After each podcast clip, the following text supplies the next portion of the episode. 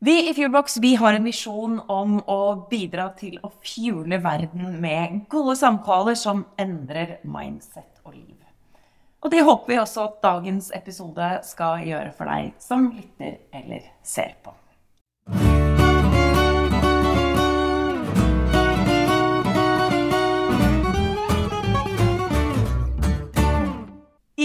Dagens episode så har jeg hatt veldig lyst til å snakke om dette med forventninger. For det er noe som ligger litt sånn eh, langt fram i pannelappen min. Ja. Og det handler om hva er det som skjer når virkelighet og forventninger krasjer? For min del så må jeg si at det skjer ofte. Ja, det, det var mitt svar. og Det skjer. Det skjer. Det skjer. Og det jeg, Jeg snakker jo med mange mennesker. Vi snakker også mye om og med kundene våre, Mm. som enten skriver til oss eller ringer til oss, eller vi møter i ulike settinger. Og veldig ofte når jeg holder eh, foredrag i næringslivet, så møter jeg også kunder som har kjøpt uh, Fuelbox Park, f.eks., Mm. og enten har en skrekkhistorie eller en helt sånn fantastisk historie om nettopp det å starte disse samtalene. Men da er det også mange som snakker om forventninger. Og jeg må si at uh, veldig ofte Jeg er et sånt uh, menneske, og i denne podkasten og dere som også ser oss, dere kommer til å bli vant til at vi snakker jo mye om oss sjøl. det blir jo litt sånn Vi refererer jo tilbake til hvordan vi selv opplever det. Man Ja, blir ja, ja. par selv òg. Ja, ja, ja. Og eh, det der, jeg er en type som planlegger veldig mye. Ja. Jeg elsker å legge plan for ferier, følger det. for eh, julefeiring, påsken Altså hva det nå enn er. Ja, det skulle det skal være. Det skal være. Det har mye planer. Men eh, saken er at da får man jo Da bygger man liksom opp en forventning. Og mye av min glede før en julefeiring eller en ferie, det er nettopp det at da skal vi gjøre sånn, da skal vi gjøre sånn. Men med planlegging så kommer det også mye forventning. Ja, ja. Og det er jo sånn innimellom at uh, forventning og virkelighet krasjer. Mm. Hva gjør vi da? Hvordan takler vi det? Hvordan kan man kanskje unngå det i større grad? ja. Har du, bare, da må jeg bare spørre, har du noen gang avklart forventninger i forbindelse med jul? I, i forkant med mannen, familien? Har du noen gang som sagt det høyt, eller har du, springer du bare rundt og orger? Ja, Det er vel helst det siste. Og der er vi jo inne på jo, fordi at eh, jeg sammenligner veldig ofte det å være i en jobbrelasjon Mm. med det å være i en parrelasjon. Ja, men det er mer likt enn ulikt. Ja, det er jo det! Ja, for behovene våre er de samme, og utfordringene med å møte de behovene er de samme, om det er i et team eller i parforhold, mener jeg. Ja. Ja. Og, og dette kommer vi også til å snakke om i senere episoder, for vi kommer også til å ta for oss leder- og teamrollen i denne podkasten. Absolutt. Eh. Og så er jo dette er jo fordi at vi ønsker at par skal se på det, seg selv som et team. Og jeg kan allerede nå bare anbefale dere å gå inn på teambuildingforpar.no, for der vil dere finne masse inspirasjon om det å ta vare på dere som team. Men beklager at jeg sa det nå. Avbryt. Nei, for det, da når du først sier det, vi må jo også si at vi har jo faktisk også et kurs, eller et program, Mhm. eh, som eh, par kan følge. Mhm. Eh, og det finner dere også mer om der inne. Og det vil ta for seg veldig mange av de temaene vi også snakker om for par her. Teambuilding for par. Men, ah, men ja. ikke sant, det være med avklaring, for i jobbsammenheng, når vi skal inn i et prosjekt, Mm. eh, så er det i hvert fall mange, vet jeg, på ingen måte alle der heller, men mange bruker da tid på forventningsavklaring, eh, avklaring av eh, roller, Mm. hvem skal gjøre hva, hvem man og så videre. Vi bruker mye tid på det her. Og hvordan vet man at man har kommet til mål?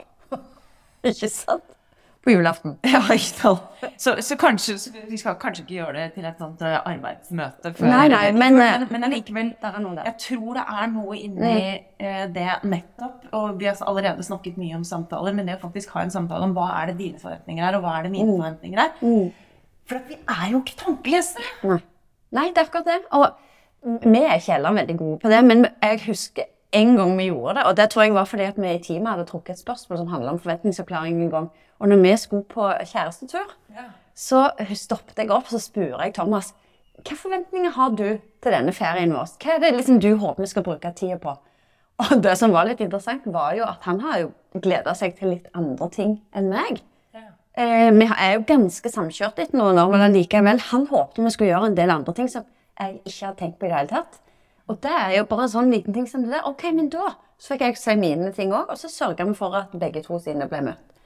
Så hvorfor gjør vi ikke det? Hvorfor... Og jeg forstår jo at når du springer rundt på julaften eller de tre, tre ukene før jul og planlegger julen og orger for den, så, så bygger det seg opp med innsatsen og timene du bruker og gleden og, og sånn. Og mens de andre er jo på jobb og gjør sine ting og har liksom gjerne ikke tenkt på dette i hele tatt. Ja, Og er er bare lille julaften, der du har Ja. Jeg ser jo for meg det det som et eksempel der eh, forventninger og virkelighet kan krasje veldig.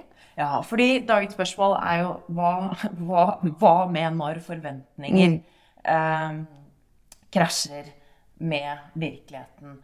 Og én ting er jo hva man gjør, for da er det sånn todelt. da. Hva gjør man i forkant? Og der tror jeg, er, jeg tror du er inne på noe som er kjempeviktig.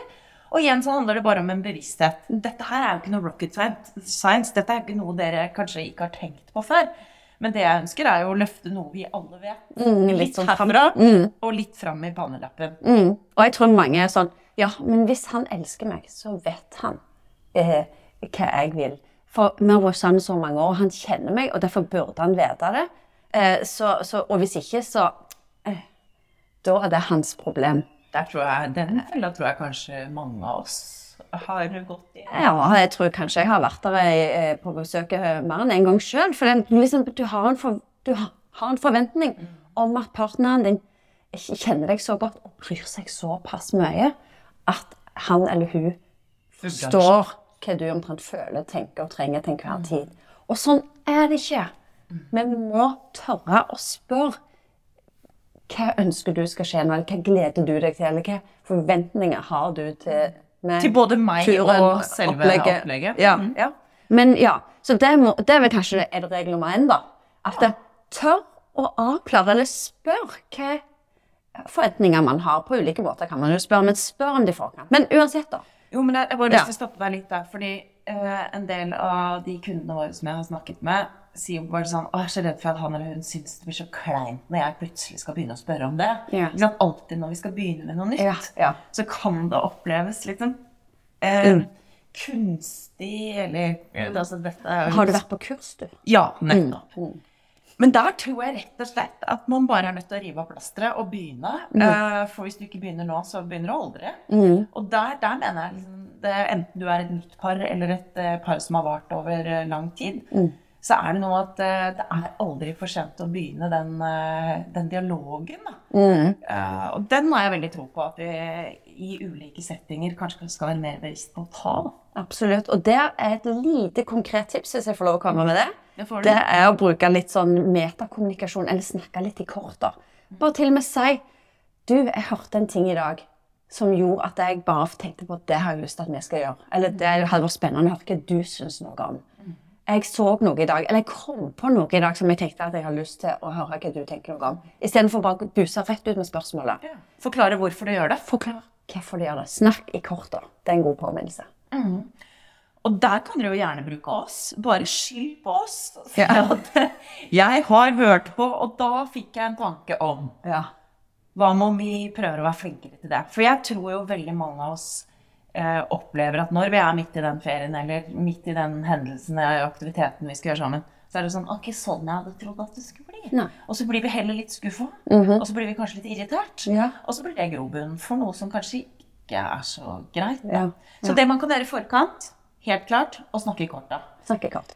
Men når først uh, dritten er i vifta, da Hvis man var Hvis man er helt Stikk hodet i sanden og vent til det går over. ja. Eller kanskje noe annet. Ja, det, er jo noe, det er noe med at på et eller annet tidspunkt så har vi kanskje ikke avklart forventninger, og så er vi i den hvor det krasjer skikkelig. Jeg hadde liksom de forventningene, og så er vi her. Noen ganger så kan det hende at det overgår forventningene våre. Det er jo en bra ting. Um, Men, men det å igjen da, tørre å adressere Jeg er jo opptatt av Jeg har vokst opp i en familie der vi ikke skal ha Min mor kaller det engler i luften. Ja. Eller elefanten i rommet, kan man Ja. også si. Men jeg syns det er med engler eller sommerfugler i luften som du ikke ser. Altså ting som er litt sånn forstyrrende. Ja.